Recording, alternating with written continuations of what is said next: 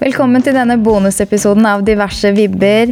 Med meg som alltid har jeg min makker og ledermentor Ellen Mosin Olsen. Og sammen med oss sitter Mette Hopsdal, Norges første DNA-direktør. Mette er en person jeg har hatt en liten girl crush på.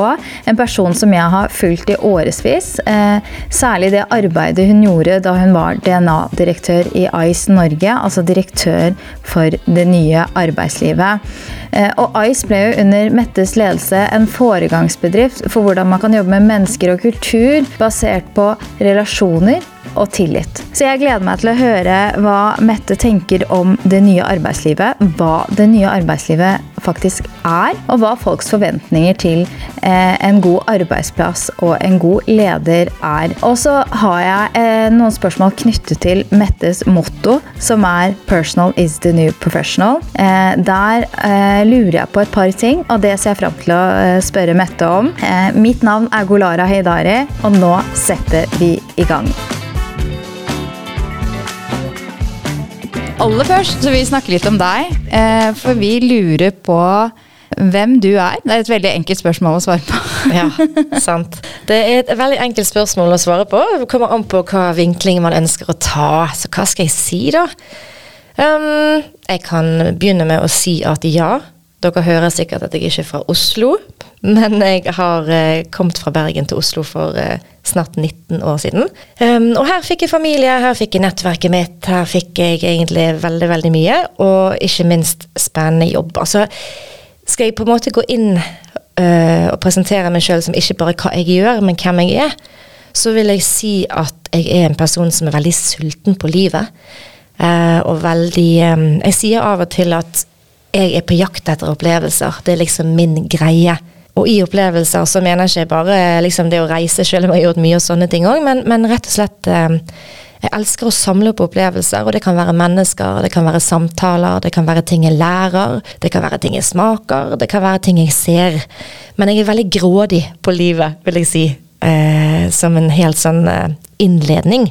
Og så kan jeg si at jeg har jo vært i arbeidslivet nå. Jeg har jobbet som leder i litt over 20 år. 21 år blir det vel. Um, og opp gjennom min karriere så har jeg jo, sånn som sikkert dere og alle dere som lytter på, fått en del tanker om arbeidslivet. Kjent på kroppen når ting funker, og kjent på kroppen og virkelig erfart og sett rundt meg hva som skjer når ting ikke fungerer.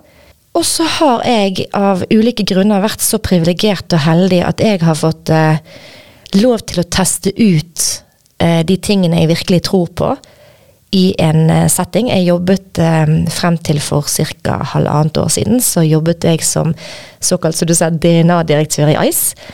Eh, som er en ny måte å tenke HR-direktør på, og hvordan vi skal jobbe med folkene våre for å få de til å levere.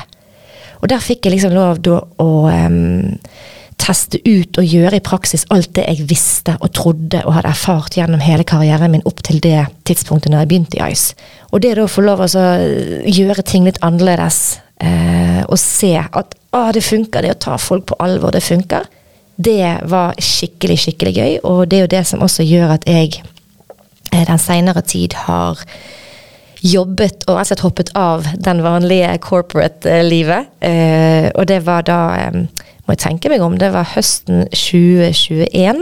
Da hoppet jeg rett og slett av, og så har jeg jobbet siden det med å eh, rett og slett hjelpe folk og bedrifter og ledere og team om hvordan de skal på en måte forholde seg for å få best mulig høytpresterende team i den nye hverdagen og arbeidshverdagen som vi nå har. For vi vet jo at det har skjedd ekstremt mye endringer de siste årene, spesielt i lys av pandemien.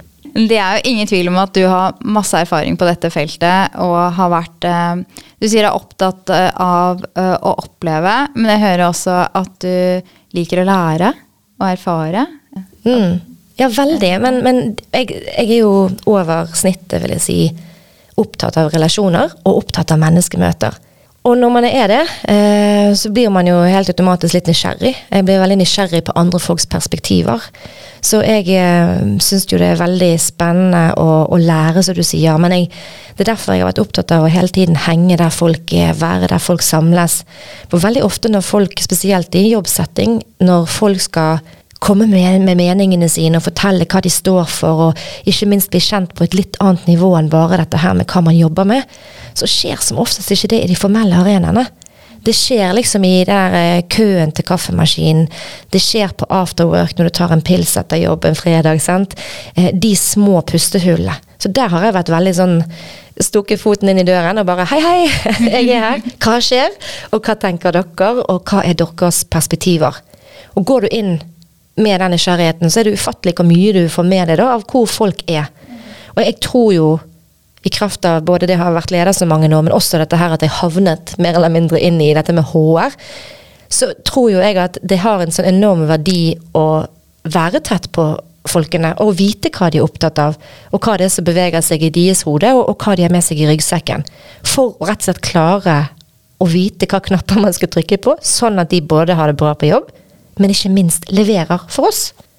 Og det er fint at du sier nysgjerrig på hva folk tenker og deres perspektiver på ting. Fordi vi, Ellen og jeg, er veldig nysgjerrig på deg og dine perspektiver på det nye arbeidslivet. Og jeg vil lære av deg. Og det er jeg sikker på at jeg kommer til å gjøre i løpet av denne samtalen. For hva er det nye arbeidslivet? Det som er interessant, det er jo at uh, det har jo skjedd enormt mye uh, egentlig, hvis du tenker sånn all over, så har jo utviklingen vært helt rivende i alle deler av samfunnet Eh, de senere tiår. Og vanvittig, altså endringer, Endringstakten går bare raskere og raskere. raskere. Samtidig så har jeg alltid syntes det har vært litt interessant hvordan arbeidslivet og måten vi jobber på, fra, nå tenker jeg før, før koronapandemien, har liksom stått så utrolig stille.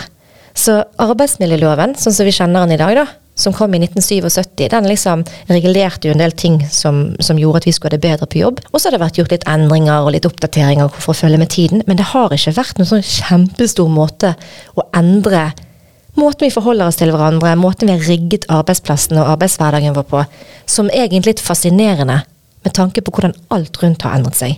Så jeg får gå tilbake litt til Aistad, fordi måten vi jeg fikk lov å være med og påvirke der, da, med tanke på både mindset og sånn, det var jo før, flere år før pandemien. Og ting som på den tiden eh, virket helt sånn sensasjonelt, er ikke det nå lenger. Så det er viktig å huske den tiden eh, den tiden vi var i da. Da snakker vi 2017 og fremover til pandemien. Og det husker jeg faktisk veldig godt, for dere begynte å gi de ansatte muligheten til å jobbe hjemme.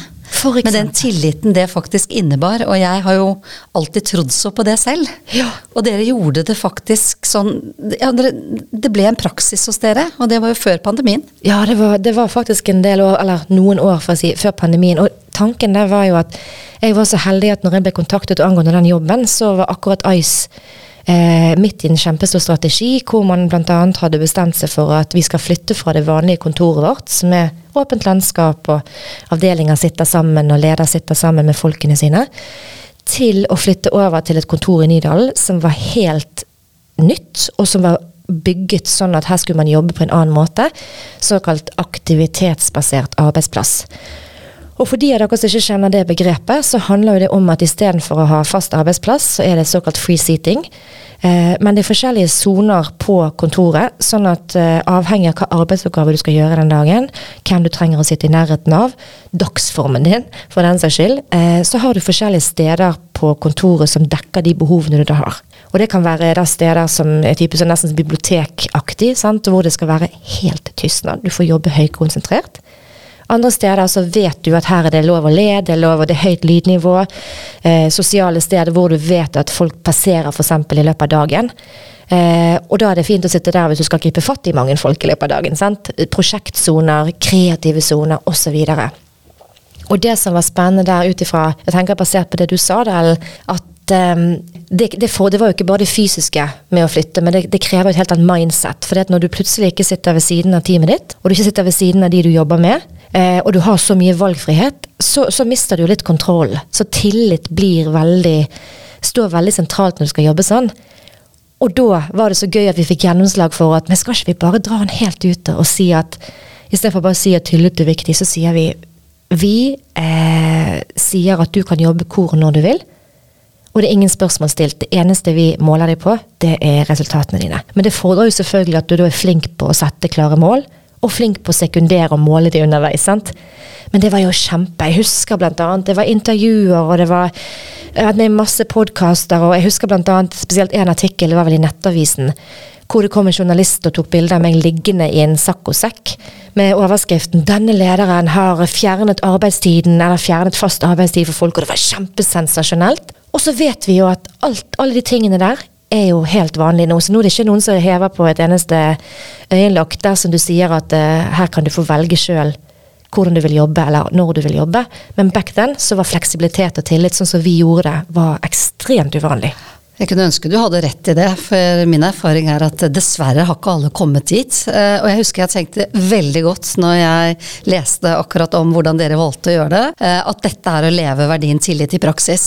Eh, og hvor mange virksomheter har ikke tillit som en verdi uten å leve den? Det er det, og der er du jo inne på noe Jeg sier alltid det at det er akkurat som en akse, hvor du på ene siden så har du, um, har du de arbeidsgiverne som, som sier at uh, nå må vi på en måte skjerpe oss, nå er koronaen ferdig, så nå liksom get over it, og kom på kontoret på mandag. Nå gjør vi sånn som vi gjorde, nå må vi gå tilbake til sånn som det var. Og så har du helt på andre siden så helt, liksom det helt motsatte utgangspunktet. Og det er jo sånn som vi jobbet i Aistad, eh, hvor man sier vet du hva, eh, vi, du kan få jobbe hvor når du vil og velge, men igjen viktig å minne på en sånn frihet og fleksibilitet eksisterer jo ikke et vakuum. Så det handler jo om at du kan jobbe hvor når du vil, men vi har noen ganger hvor vi ønsker at bli enige om at f.eks. at du kommer på kontoret når det er ja, Ledertrening kan du ikke ha, mener jeg, eh, på avstand. Eh, andre ting det er jo at hvert team og hver, eh, hvert team og hver leder skulle få blitt enig med, med sitt team om når er, det, når er, det, på en måte, Hvordan skal vi forvalte denne tilliten og fleksibiliteten her hos oss? Eh, og hvordan skal våre i gåsøgne eh, spilleregler være? Skal vi si at vi ønsker at folk skal komme inn f.eks. fysisk og treffes til avdelingsmøtene hver uke? Eh, skal vi på en måte si at vi ønsker at folk skal komme når det er én-til-én-samtaler, f.eks. utviklingssamtaler, medarbeidersamtaler? Eh, og det er, jo liksom, det er jo viktig å på en måte tilpasse. Men som du sier, alle bedrifter befinner seg jo et eller annet sted på den, den aksen som jeg snakker om. Eh, og så tror det de færreste, det er en del av de som har sluppet helt. Og så er det heldigvis, tror ikke jeg, så mange av de som har sagt at nå er vi bare helt tilbake til sånn som det var. Men jeg merker at folk og bedrifter og ledere prøver veldig å finne ut hvordan de skal, eh, hvor de skal befinne seg der, og hvordan de skal få folk til å komme på kontoret. For det tror jeg er et viktig poeng. Mange ledere og bedrifter ønsker jo primært at folk skal komme, for de tenker at det er smartere med tanke på innovasjon, med tanke på relasjoner, som jo er det vi har manglet når vi har vært hjemme. Eh, men så vet de ikke helt hvordan de skal gjøre det. Og da kommer jo det spørsmålet pisk eller gulrot. Skal du si at nå kommer du får ikke lov å ha hjemmekontor på mandag eller fredag, for da er det for fristende for deg til å dra på hytten eller bli igjen på hytten? Eh, eller skal vi si at du velger fritt? Så det ene er det pisken, holdt jeg på å si, å lage retningslinjer. Eller den andre som jeg syns er spennende å utforske, det er liksom hvordan gjøre det så attraktivt på jobb at selv om folk har muligheten til å velge hvor du skal sitte, så velger folk å komme på jobb fordi at det er et eller annet arbeidsplassen representerer. Så du, altså denne fair of missing out. Du har virkelig ikke lyst til å gå glipp av å være der. Og da er jo spørsmålet, det er jo den berømte gulroten. Hvorfor skal folk komme tilbake til kontoret? Og hva er det som ja. gjør at de skal være der? Riktig. Men du, du, er litt inne på noe her, for det, dette er litt vanskelig. Jeg tror alle ønsker å være en leder som er fleksibel, som møter de kravene som eh, arbeidstakere har i dag, og er litt sånn kul og har til høy, høy grad av tillit. Men så krever det, som du sier, du må ha klare mål. Eh, kunne måle resultater underveis, og så må man bli enige om ikke sant, når sånn cirka arbeidstid, når er det best for oss å jobbe sånn at man er litt synk på de oppgavene der man trenger å være på samtidig. Eh, og så tenker jeg som For meg da, så er det én ting at jeg må begynne å sette meg inn i det og, og, lage klare mål for de jeg leder. Men så må jeg sørge for at de jeg leder, gjør det for sine team og har samme oppfatning som meg om at eh, ja, men hvis folk skal komme på kontoret, så må det være en grunn for dem å komme, ikke bare fordi du har sagt at du må komme. Eh, og de må etterleve det, ikke bare gjøre det én gang, og så er man på en måte ferdig med det. Og det er, der, det, er det som er vanskelig. Mm. Den kontinuiteten. Jeg, jeg, tror det er to, to, ting her. Det ene er jo at um, ledere Altså det der å lede på avstand er en litt annen ballgame. Det er mer krevende enn å sitte ved siden av de du leder. En av grunnene er jo annet at, at eh, du mister i gåsehudene kontroll, sånn som vi så på kontroll, i hvert fall tradisjonelt sett. Når kom du på jobb, hva gjorde du, hva jobber du med nå? Eh, og det betyr at jeg tror når ledere nå eh, skal jobbe på en litt mer kanskje eh, hybrid måte, som det heter så fint nå, hvor du har en, en mellomting mellom at noen er kanskje fysisk til stede, andre ikke, så krever det noe annet av lederne våre. Og det, jeg tror det er litt naivt å bare tenke at det der går seg til. For det er de tingene du peker på der, er jo avanserte måter å lede på. Altså hvordan skal du få folk til å gjøre som du vil, men ha lyst til å gjøre det du trenger at de gjør som leder. Eh, så, så jeg tror jo at det å trene lederne sine, og anerkjenne at fjern... Altså jeg liker ikke uttrykket fjernledelse, men å lede på avstand, da, som jeg gjerne vil døpe om egentlig til det nære lederskapet. Fordi at når du ikke er fysisk nært på folkene dine, så må du finne andre måter å kompensere på for å komme tett nok på til å finne pulsen på folkene dine, for det er så viktig for at du skal ja, komme igjennom med det du ønsker. Så det ene er å trene lederne, og der tror vi synder litt. Der tror vi tilbake igjen på, på kontoret nå, så tenker vi ja ja, nå er det nye tider, dette ble, dette ble annerledes. Så tror man at det bare handler om hvor mye man er på kontoret, og hvor mye man sitter hjemme. Men det er en helt annen måte å tenke på, som jeg tror krever at vi kler på lederne våre. Sånn at skal du få ledere på forskjellige nivå til å gjøre noe, og til å lede på avstand, eh, så er det så ekstremt viktig at det begynner fra toppen. Og det ser jeg jo ofte mange eksempler på, sant? hvor du har toppledelser som helt, eh, gir veldig uttrykk for at sånn og sånn skal det være. Enten det er vi skal ha én-til-én-samtale med alle våre medarbeidere en gang i måneden, og vi skal ha utviklingssamtale hvor vi liksom skal sørge for at ikke vi ikke bare snakker fag, men vi skal ta den liksom legge vekk PC-en og si hvordan går det egentlig med deg? Fordi det er viktig for jobben du skal gjøre. Alle, mange som sier det, og så ser du at de forventer, mange toppledere forventer at, at det skal begynne på nivået under. Men sjøl så er de fritatt.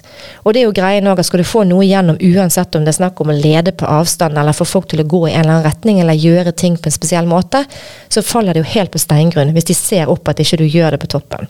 Ja, det handler om å leve som man lærer. Ja, det er så ekstremt sentralt, og der er det så mye å hente. Og det er en sånn grunnleggende, veldig enkel ting. Men det er så mye gevinster å hente på det, da, hvis man faktisk eh, hadde valgt å gjøre det. Og det er der jeg tror at vi bommer av og til, for vi, vi gjør ting så mye mer kompliserte enn det. Men dette handler egentlig om grunnleggende ting som å sette prinsipper vi vet er helt sentrale, som f.eks. at når du sier at folk skal gjøre noe som leder, så må du fakat meg gjøre det sjøl. Men jeg tenker også i forhold til det å ha Altså de du har som ønsker å jobbe hjemme. Eh, og så snakker vi om at de skal ha lyst til å gå på jobb. Men du har vært innom dette med å være nysgjerrig. Og jeg tenker vi skal også tørre å være litt nysgjerrig på hva det handler om. Eh, og så prøve å skreddersy i forhold til det, for jeg er veldig sikker på at det har sine historier. Og for noen så både konsentrerer de seg bedre, kombinerer hjemmesituasjonen bedre, eh, og, og føler rett og slett at de jobber bedre. Og da, da er det viktig å vite akkurat det, og hva skal da til for at du skal komme de dagene du skal komme. Og så prøve å forstå og virkelig undre seg litt over hva årsaken er til at folk velger så forskjellig. Men her er du inne på noe som jeg mener er kjernen. Og dette her, Jeg spør alltid folk som jeg er ute og holder foredrag for, eller hvis jeg driver med ledertrening eller lederutvikling, så spør jeg alltid ledere hvor godt kjenner du de du leder? Ja, hva mener du? Nei, um, for eksempel. Hvor godt uh, kjenner du de i form av Vet du hvem, hvordan de har hatt det gjennom pandemien med to år? Vet du hvor de er mentalt etter pandemien? Fordi at uh, litt av det der one size does really not fit all. Uh, og det å bare ha en fornemmelse og en følelse av uh, Har du f.eks. en medarbeider som har sittet og jobbet to år på strykebrettet fordi det var ikke rom nok i, i stuen for der satt mannen jobbet, f.eks. Eller har du en del yngre som, som enten har bodd helt alene og ikke hatt noe som helst input fra andre og blitt tvunget til å sitte liksom isolert? Eller folk som har sittet i, eh, i bokollektiv, og så pga. igjen mangler plass, har sittet to år, kanskje hatt PC-en på fanget i sengen. Så igjen, har du, har du mennesker som har vært eh, livredd eh, for å bli smittet, eller som har folk i risikosonen i sin omkrets som de er glad i, som de har vært livredd for skal bli smittet. Det handler jo om hva vet du om folkene dine? Og det er derfor jeg sier at det er så fundamentalt. Du må jobbe med relasjonene dine. Og når du ikke engang er fysisk i nærheten av nødvendigvis alle, så må du finne andre måter å komme deg innpå de. Du må ha pulsen som leder i dagens eh, arbeidsliv, og det har forandret seg. For tidligere så var det bare å sørge for at folk gjorde det de gjorde. Men akkurat som du sier, Ellen, nå handler det i større grad om å finne ut hva er det du er opptatt av. Skal jeg få deg til å levere og gi deg rammebetingelsene til å kunne yte det som jeg trenger at du yter for meg og for oss? Hva er det som opptar deg? Ja, nei, og Jeg er jo så enig med deg i det. Og så tror jeg mange ledere kan bli flinkere til å løfte seg ut av sin egen forestilling. Eh, fordi vi har ofte en sånn oppfatning av eh, hvem som er hva, gjør hvorfor, hvorfor gjør de ting, hvem er de, eh, og ut ifra oss selv. Og hvordan vi ser på verden. Og nå har jeg levd lenge nok til å vite at den er ganske komplisert. Vi ser verden ut fra sånn som vi er. Og da er det en viktig lederoppgave å være klar over det, sånn at vi kan se verden litt bredere de perspektivene vi får, og forestillingene vi har av andre, de preger oss ofte mer enn vi ønsker å innrømme. Så det nye arbeidslivet er et arbeidsliv i endring, i stadig endring. Det er et arbeidsliv der arbeidstakere i større grad trenger å ha en mening med det de gjør, med både arbeidet de gjør og arbeidsprosessene som blir valgt for dem av organisasjonen, lederne deres. Um, Og så krever det at ledere er, tar mer pulsen på det som skjer i deres team og hos hver og en av teammedlemmene, og er nysgjerrige på, på dem. Uh, og hva som er viktig for dem i deres rolle. Ja, å være nysgjerrig på, fordi at eh, forsterket av to år med pandemi, da, så er jo forventningene fra medarbeidere har endret seg veldig til hva en arbeidsplass skal gi oss. Eh, og det å vite det som leder, det er ganske smart. For en av de tingene som vi ser jo f.eks. At, eh, at vi som medarbeidere etterspør, som er ganske nytt, det er det at vi krever mye større grad av autonomi det å få lov å bestemme sjøl, være med å påvirke vår egen arbeidshverdag. Vi er i mye større grad enn før opptatt av meningsfullhet på jobb. At eh, jeg går ikke på jobb bare for å få en lønn, for det forventer vi, det er en hygienefaktor. Men jeg forventer at denne arbeidsplassen som jeg bruker så mye av min våkne tid på, og bruker nesten mer tid med kollegaer enn jeg gjør med de jeg virkelig er glad i hjemme, så må det være noe meningsfullt der. Uh, det er en ny ting som jeg tror mange ledere står og tenker eh, ja det høres fint ut, men de aner ikke hva det skal være. Eh, så har du ting som du hører spurt på intervjuene også nå i det siste, og det er jo litt den her eh, hvor mye får jeg lov å bestemme hvor jeg skal sitte? Hvor mye forventer dere at jeg skal være fysisk på kontoret? Og hvor mye kan jeg sitte andre steder? Pluss at man er opptatt av hvem skal jeg jobbe sammen med? Altså hva mennesker er det jeg skal forholde meg til? Og ikke minst hva leder får jeg? Så man stiller helt andre spørsmål. Man spør om verdispørsmål. Sånn, hva står dere for? Kan jeg klare å få det til å matche med mine egne verdier? Og tar man ikke inn over seg de endringene, det at man faktisk forventer andre ting og spør og ser etter andre ting Hvis man ikke, ikke ser det, så vil man jo tape kampen som arbeidsgivere og bedrifter overfor de andre som faktisk har skjønt disse mekanismene her, at her har noe endret seg, her må vi henge på. Så de som på en måte insisterer på at pandemien var liksom bare en eh, Hva skal man si, det var bare en, en liten sånn liten greie, ja. de vil jo bli, mener jeg, de store taperne fremover. Men jeg tenker også medarbeidere må eh, Det krever noe av dem, da, det nye arbeidslivet. Og det krever særlig selvledelse. Eh, og det er litt, litt, noe nytt. Det er også eh, noe vi må lære medarbeiderne. Dette hva er selvledelse? Ja. Og ha tydelige forventningsavklaringer begge veier. Mm. Eh, og så vil vi bare inn på noe, noe annet. Et begrep eller altså et begrep som jeg har stussa litt over. Eh, som Ellen vet, som kjenner meg godt. Og det er eh, 'personal is the new professional'. Ja. Kan du forklare Hva er det? Hva er det? Hva er det? Hvor kommer det Bra spørsmål, Lara. du, dette er mitt jobb, jobbmotto. Eh, fordi at når folk spør meg hva er det egentlig som er ditt, eh, hva er liksom ditt fundament, så ser jo jeg at de teamene og lederne som definitivt lykkes best opp gjennom hele min karriere, det har alltid vært de som folk er trygge på. De som, fordi at de våger å vise litt av hvem de er, løser litt i snippen blir mer forutsigbare for de andre, blir mer tilnærmelig, og igjen tilrettelegger for at man kan lage den tryggheten vi nettopp snakket om. Og så syns jeg at det er så viktig å Jeg tror tidligere tradisjonelt sett så eh, tenker man at profesjonelt og personlig, det er to motstridende ting. Du kan ikke være profesjonell hvis du er personlig. Og det som jeg prøver å predikere, det er jo at det er forskjell på å være personlig privat. det å vise litt hvem man er, det gjør noe med relasjonene mellom oss. Og legg merke til det neste gang du, du er på jobb, at trenger du hjelp til noe, lurer du på noe, eller å gi en tilbakemelding, eller du, du trenger en kompetansedeling, at noen hjelper deg med noe, så går man veldig sjeldent til de som nødvendigvis kan mest. Man går til de man kjenner. Man går til de man har delt noe med. Man går til de man er trygg på. Så det er jo på en måte Vi jo en, har jo en rolle i kraft av den, ja, den rollen vi har da når vi er på jobb. Men vi må ikke glemme at det der med rolle og person, og være litt bevisst på det. Og det er jo derfor jeg også er litt Jeg prøver jo så godt jeg kan å leve det, jeg prøver jo å vise i praksis, for jeg vet at dette er uvant for mange. Så jeg prøver jo da å vise eh, altså Prøver å ufarliggjøre litt grann hva det betyr hva det betyr å være personlig. Så når jeg f.eks. er ute og jobber med ledergruppe, eller har et foredrag for mange hundre mennesker hvor første sliden representerer meg, ikke bare Mette Hopsdal, sant? men jeg viser bilder av familien min. Uh, og av og til, hvis jeg er virkelig siger, så kan jeg finne på å vise et bilde av meg sjøl eh, når jeg sitter med pianoet, for jeg hadde platekontrakt for en god del år siden, hvor jeg rett og slett byr litt på meg sjøl og sier hei, dette, liksom, dette er meg. Uh, for mange, mange år siden så hadde jeg platekontrakt, og trodde kanskje at det var det jeg skulle drive med, men så slaktet VG albumet mitt. Så da ble det liksom litt sånn 'don't quit your day job', sa de vel egentlig. Og da gjorde ikke det. Så derfor står jeg her i dag. sant?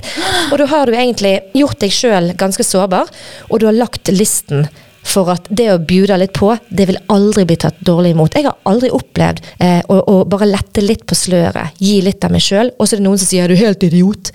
Alltid når man deler litt av seg sjøl, så skjer det magiske ting. Og sånn, sånn, har jeg jobbet systematisk med ledere opp gjennom alle, og har suksesshistorier på suksesshistorier med ledere som kommer og sier 'Herligheten, det er en helt annen dynamikk i teamet mitt', for jeg gikk inn og sa 'Du er grunnen til at jeg er sånn og sånn, det er sannsynlig for å oppleve dette her tidligere når jeg var liten', eller whatever.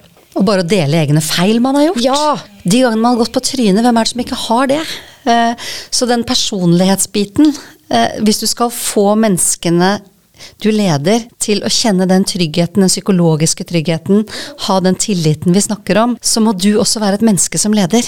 Og det der å vise, vise hvem du er som menneske, det legger et veldig godt grunnlag for den åpenheten. Og folk vil ha folk de kan identifisere seg med. Så vi kan godt vise hverandre alle de polerte sidene, og liksom, men det er et eller annet i det øyeblikket når noen våger å bare løsne litt på slippen. Og så er det jo, husk forskjell her. Jeg snakker ikke om, Det er forskjell på å være privat og personlig. Så skal, alle skal selv få lov å bestemme hvor langt du velger å ta med en folk. Og jeg, jeg, jeg syns det er et veldig godt spørsmål. Dette spørsmålet her som for øvrig hentet fra et av spørsmålene i Fuelbox, eh, som jeg har jobbet masse med før, de, det heter f.eks. Eh, hva er du stolt av, men sjelden skryter av? Og når vi bruker, har brukt det ute, så er det liksom sånn du kan enten velge å si noe så enkelt at eh, jeg er veldig stolt over at jeg kan sjonglere. Det er et veldig ufarlig svar. Eller du kan velge å ta den så langt som du vil. Sant? Jeg er er veldig stolt over at jeg klarte å skåne datteren min. Eh, da jeg eh, da meg og min, eh, faren til datteren min gikk fra hverandre, så er jeg veldig stolt over at hun er blitt den hun er i dag og at hun har, vi har klart å skåne hun fra det bruddet, f.eks. Så du ser det er det samme, samme spørsmål, men to helt forskjellige vinkler inn. Avhengig av settingen, konteksten, menneskene, hvor mye du tillit som er i den gruppen der, og hvor mye jeg føler for å dele. Og der skal jo alle få lov å sette sin egen grense. Men grunnen til at jeg har tenkt eh, litt på det her, og ikke helt skjønt, ikke helt klart å plassere hva jeg tenker om det, er fordi jeg tror jeg opplever som en varm leder. Jeg snakker eh, jeg kan fortelle personlige ting om meg selv, men jeg, jeg vil jo si sånn Det er kanskje feil å si, jeg gjør det litt bevisst, for jeg vet hvordan det får de andre til å føle seg. Eh, og jeg gjør det bevisst for å skape noe positivt. Men så er jeg også veldig opptatt av å ikke dele i den grad at det på en måte jeg belaster andre, og heller ikke være personlig når, det, når avgjørelser skal tas. For der kan jeg noen ganger bli litt sånn, i hvert fall ikke forventninger nedover, men forventninger oppover eller til eh, lederkolleger. At man liksom begynner å blande inn følelser når avgjørelser skal tas, så får jeg litt sånn ja, ja, ja, Nei, er det, er, det, er det, det man mener med personalism? Nei, nei, nei. Nei, for nei. det der er noen som kan bruke det bevisst, og det er det du kjenner på? Ja, kanskje, mm. men jeg bruker bruker det også bevisst, men da er intensjonen min noe godt. Da. Ikke for å få vilja mi, men for at jeg vet at det skaper noe trygt hos andre, og, og at de da ja, kommer til meg med ting som egentlig ikke er Man kan ikke ha et møte om det, det er noe lite. Egentlig så bør du spørre noen andre, men de spør meg fordi mm. det er lett å gå til meg, da. Men det som er artig her nå, det er at de tingene du sitter og beskriver nå, det er jo du som rett og slett eh, utformer lederrollen din, hvordan du vil utøve ditt lederskap. Og dette er jo det som er artig, for det at lederoppgaver er ikke så vanskelig å si check, check, check. Du har vært på kurs i hvordan du skal drive håndtering av lønn eller drive en medarbeidersamtale. Men det som er spennende med, som du snakker om nå, det er jo lederrollen. For hvis man sier at personal is the new professional, da, så sitter du nå og snakker om hvordan på en måte det skal hvordan det skal tolkes, hvordan du skal på en måte bruke det. Og så begynner du å snakke om at jeg, vil ikke, jeg bruker det bevisst, det å være personlig for å komme nærmere på, men jeg sørger for at ikke det farger, jeg lar ikke det på en måte farge avgjørelsesprosesser. Så der sitter på en måte du og egentlig, og det er jo det vi må gjøre alle sammen, vi må bruke sunn fornuft og bruke egentlig, for du sitter jo nå og snakker og beskriver ditt lederskap, du, om hvordan du vurderer. Ja, og det, vil bare si, det er et veldig godt eksempel på hvordan du klarer både å være personlig og profesjonell. Derfor er personal the new professional, for du bruker det. Det, det jeg hører at det er ubevisst, bevisst, men eh, det er et veldig godt bilde av nettopp For, ja, for spørsmålet blir jo hvorfor tenker du at det er fint at, eh, at de vet Så du deler litt for at du vet at det er viktig for dem? Ja, men så det er så fordi jeg tror selv at jeg har vært veldig heldig at sånn relasjonell kompetanse kommer, det kommer litt sånn intuitivt til meg. da. Eh, og så prøver jeg også å respektere at ja, men det er jo mange gode ledere som, der det ikke kommer naturlig. Eh, og det er også greit, men så er det et par ting man må jobbe med. Men, men det, det, må være rom for andre typer ledere også. Absolutt. Og, og der kommer personlighet inn i bildet òg, vet du. Ja, det gjør det. Mm. Og det, det er et veldig viktig poeng du sier der, og det er jo det som slår meg gang på gang på gang eh, i ulike steder jeg er, at hvor forskjellige folk er. Og dette, vi prøver ikke å skape en, en, eh, et, et fasitsvar på hva en god leder er. Jeg er meg, du skal få være deg, alle skal få være seg. Eh, og det finnes masse fantastiske ekstroverte ledere, det finnes masse fantastiske introverte ledere. Og sånn er det. Så det går ikke an å komme med fasit. Men det som vi vet, det er jo det at de teamene det var en Googles undersøkelse jeg har hørt om den, Aristoteles, hvor de ønsket å finne ut hva er det som eh, beskriver, hva er det som er fellestrekkene for de teamene som presterer aller, aller best sammen. Og det er på økonomiske parametere det er viktig. Og da så de at den tingen som var fellesnevneren for alle de eh, jobbet med, alle de lette etter, det var jo psykologisk trygghet. Så skal du skaffe, skape psykologisk trygghet, som vi da ser er en helt klar suksessfaktor for å lykkes med de harde økonomiske parametere, da er det veldig vanskelig. Så da må vi trene opp og lære å forstå hvorfor. Altså Vi må lære også de som ikke har de naturlige, relasjonelle eh, kompetansene. Vi må forklare de hvorfor det kan være smart innimellom. Eh, at, at måte, det å løsne opp i snippen, det å være, si noe om seg selv. Eh, og det kan være små ting som at eh, Beklager at jeg kom inn eh, litt seint i møtet i dag, men min datter hun slo seg helt vrang i dag morgen, så sto i to tutu-skjørt og nektet å ta det av seg, og det er 14 minus ute. sant? Så det trenger ikke være de store tingene, men det er bare noen små ting. For vi vet, og dette er jo hjerneforskning igjen, vi vet jo at i det øyeblikket vi deler noe og deler noe, jo, liksom, noe som betyr noe. Ikke, det er ikke snakk om å dele tallet fra siste salgspresentasjon, men når vi deler noe med hverandre og snakker med hverandre, så skjer det noe i tilknytningssenteret i hjernen vår som er det som skaper relasjonene mellom oss. Og Derfor er det viktig å lære, kanskje nettopp spesielt de som ikke dette med relasjoner og det å snakke sammen faller like naturlig, og igjen kommer hvorfor inn. Hvorfor er det viktig at vi øver på det? Ikke at du skal blotte hele sjelen din, men hvorfor er det smart at du av og til viser litt av hvem du er? Jo, for det gjør noe med relasjonene til de du skal rundt deg. Ergo gjør det noe med den dynamikken dere har som team. Som igjen påvirker det dere skal levere. Ja, Da kommer du litt inn på dette med å lede på avstand igjen. fordi det er mye mer naturlig å komme på kontoret og så begynne å dele litt om morgenkaoset hjemme til en kollega jeg møter på tilfeldig der og da, eh, enn å gjøre det på møte klokken halv ti. Da er jeg liksom ferdig med det og delt det med noen, og så er det møte vi har satt av en time og man går gjennom ditt og datt, og, da, og det er på nett. Og da deler du ikke de øyeblikkene. Eh, så det å finne arenaer eller måter å dele de øyeblikkene på er viktig da, når du leder på avstand. Jeg liker veldig godt et ordtak som jeg eh, bruker en del, som sier at hvis man er enig om at så du sier, vi må, vi må jo kunne skape eh, de stedene hvor disse samtalene finner sted, da, eh, for at de er så viktige. For det er det som gjør at vi knytter bånd. Så tenker jeg at i et sånt perspektiv så handler også ledelse om å gjøre rom og skape rom for de samtalene som ellers ikke ville funnet sted. Så hvis vi anerkjenner at det er viktig for resultatene i en bedrift at vi knytter oss til hverandre, så, så vil ikke det skje, som du sier, eh, i et vanvittig heftig møte hvor vi har gått gjennom alt, og det er back-to-back-møter, og det er agenda herfra til månen. Men da mener jo jeg at lederen, en av viktige oppgaver for lederen er å skape de små rommene til at her kan vi, om det er å starte et- ethvert møte med et, no, å snakke om noe helt annet, da stille spørsmål som er liksom, rett og slett sette litt sånn smalltalk i, i system, eller det er snakk om å initiere at vet du hva, vi skal også ha plass til enten hver dag eller i hvert fall en gang i uken, en, en liten kaffeprat hvor vi sitter og prater om stort og smått og bare koser oss litt, eller eh, jeg har lyst til å invitere dere hjem til meg, det er jo Apropos personal to new professional. Effekten ved at en leder byr på seg sjøl, istedenfor å bare si ja, enten ikke gjøre noe sosialt, eller si vi kan gå ut og spise middag. Bare se hva som skjer i det øyeblikket du som leder inviterer teamet ditt, hvis du har muligheten til det, da, inviterer teamet ditt hjem til deg og ditt. Altså, Det er helt fantastisk å se, for gang på gang på gang så gjør det bare at du skjønner mennesket, du forstår hvor mennesket kommer fra, og toleransen din for det mennesket, og omsorgen og varmen og det du føler, bare forandrer seg helt. Så det, det er ganske magisk altså, hva som skjer når du får lov å en liten peak inn i folks liv. Hvis vi liksom avslutningsvis, den der ledermuskelen, hvordan trener man opp den? Jeg tror at en av eh, de sentrale tingene her, det er å være en nysgjerrig leder. Det er det ene. For uansett hva du som leder skal sette i gang, så er det veldig viktig å vite at den pilen du sender ut, faktisk når der den er tenkt å skal, skal, skal treffe. Så det å sørge for at du aller først er så tett på folkene dine, viser interesse, er der de er til stede. Så er det en uh, prill, pils etter fredag, en fredagspils, så er ikke du den som sier at nå er ikke jeg på jobb lenger, så nå går jeg hjem. Kutt ut! Det er der du stiller opp. For det er der du kan på en måte knytte relasjoner, der du får pulsen på folk. Nå snakker jeg ikke bare om fredagspils, men, men de stedene hvor det er sosialt. Når du da er nysgjerrig og begynner å få et inntrykk av hvor folkene dine er, da kan du begynne å gjøre små ting. Og så tror jeg at nummer to det er at ikke gjør det så ekstremt stort. Dette er jo ikke rocket science.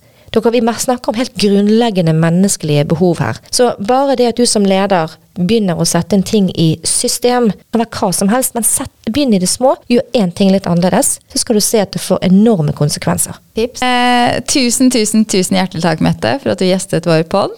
Eh, det har vært inspirerende, interessant, og jeg gleder meg til å følge deg videre. Du har så viktige budskap.